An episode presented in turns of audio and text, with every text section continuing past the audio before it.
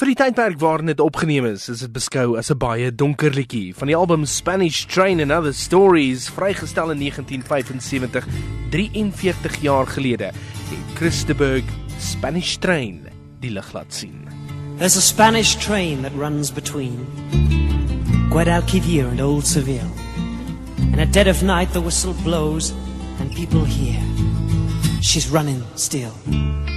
Ek het vir Chris geskakel in sy kasteel in die suide van Ierland om te hoor waar Spanish Train sy oorsprong gehad het. Hierdie was sy antwoord. Well, I, I remember writing it, the, the first few phrases, where I was literally on a train going from La Linea in, in the border between Portugal and Spain in uh, mid 74 when we were taking a break from making my first album and had a guitar and had a backpack and no money. And I was sleeping on trains and doing all that kind of thing. Um, and I was on this train going uh, towards Seville. And whatever I was on, maybe I was uh, sleepless night or a couple too many cerveza beers. Um, I, I looked up the hillside and I saw a farmer had put together a bunch of um, sticks, gnarled sticks to to form a fence. And as we went by very slowly, this was a very slow train.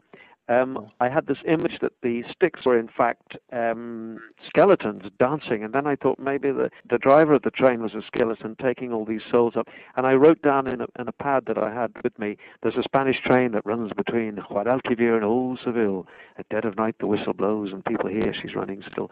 And then uh, subsequently, I f- filled out the rest of it. It was great fun to write actually because I was trying to figure out how how does the devil cheat, and how, you know I had to go through the correct poker hands and so on. Christeberg, Spanish Train, 43 jaar sedert sy eerste vrystelling in 1975 en vandag nog een van daai donker treffers van een van die wêreld se beste skrywers en sangers. And I said, Lord, oh Lord, let it